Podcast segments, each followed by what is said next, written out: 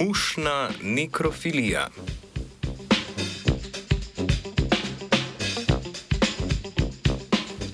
Patogeni organizmi zadev svojega življenjskega cikla nujno potrebujejo gostitelja, pri čemer v redkih primerjih lahko vplivajo tudi na vedenje gostiteljske vrste. Tako je pri glivi entomoftora muske, ki ima za gostiteljico domačo muho muska domestika. Mednarodna raziskovalna skupina je proučila, kaj povzroči spremembo vedenja pri mušjih samcih, da se parijo z mrtvo samico, ki je okužena z glivo.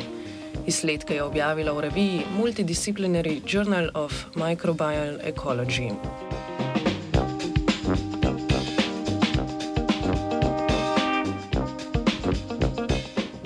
Patogena gliva Entomoftora muske okuži muho, ki za posledicami okužb umre v šestih do sedmih dneh. V že nekaj urah po smrti pa se na truplu razvijajo prvi konidiofori, strukture, kjer nastajajo spore, s katerimi se bo gliva razmnoževala naprej. Raziskovalke in raziskovalci so v poskusu z glivo okužili samce in samice muh, na to pa so žive samce dali v bližino okuženega trupla in neokužene kontrole ter spremljali njihovo vedenje.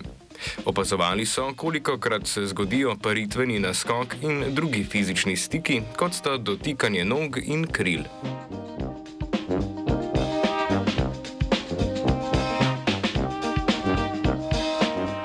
Večina samcev je truplo naskočila, kadar so bili kadavru izpostavljeni 25 do 30 ur po poginu, saj se v tem času na truplu razvije več spor.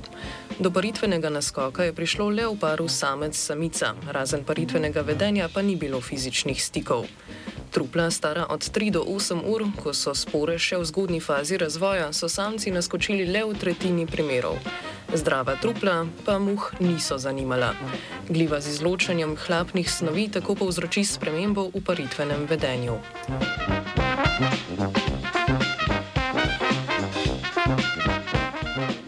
Muhe so po izpostavljenosti kadavrom opazovali še deset dni oziroma do smrti in preverili njihovo abdominalno intersegmentalno membrano, kjer se pokažejo prvi znaki okužb.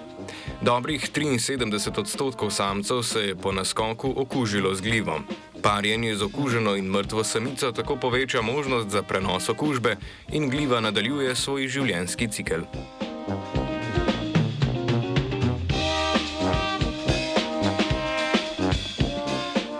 Samec z antenami zazna kemični signal, ki ga sprošča gliva na okuženih kadavrih.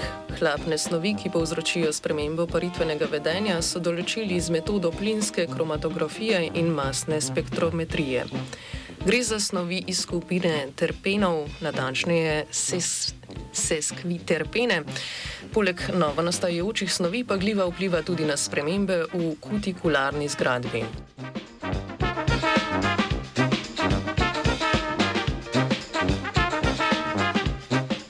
Z raziskavo so pokazali, da gliva in muske s sproščanjem terpenov privabi morebitne nove gostitelje, ki jo bodo med nadaljnim parjenjem prenesli naprej.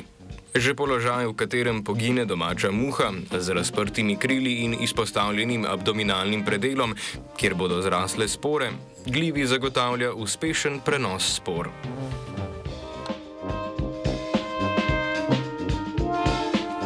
Hlape je vdihovala Klara. Three,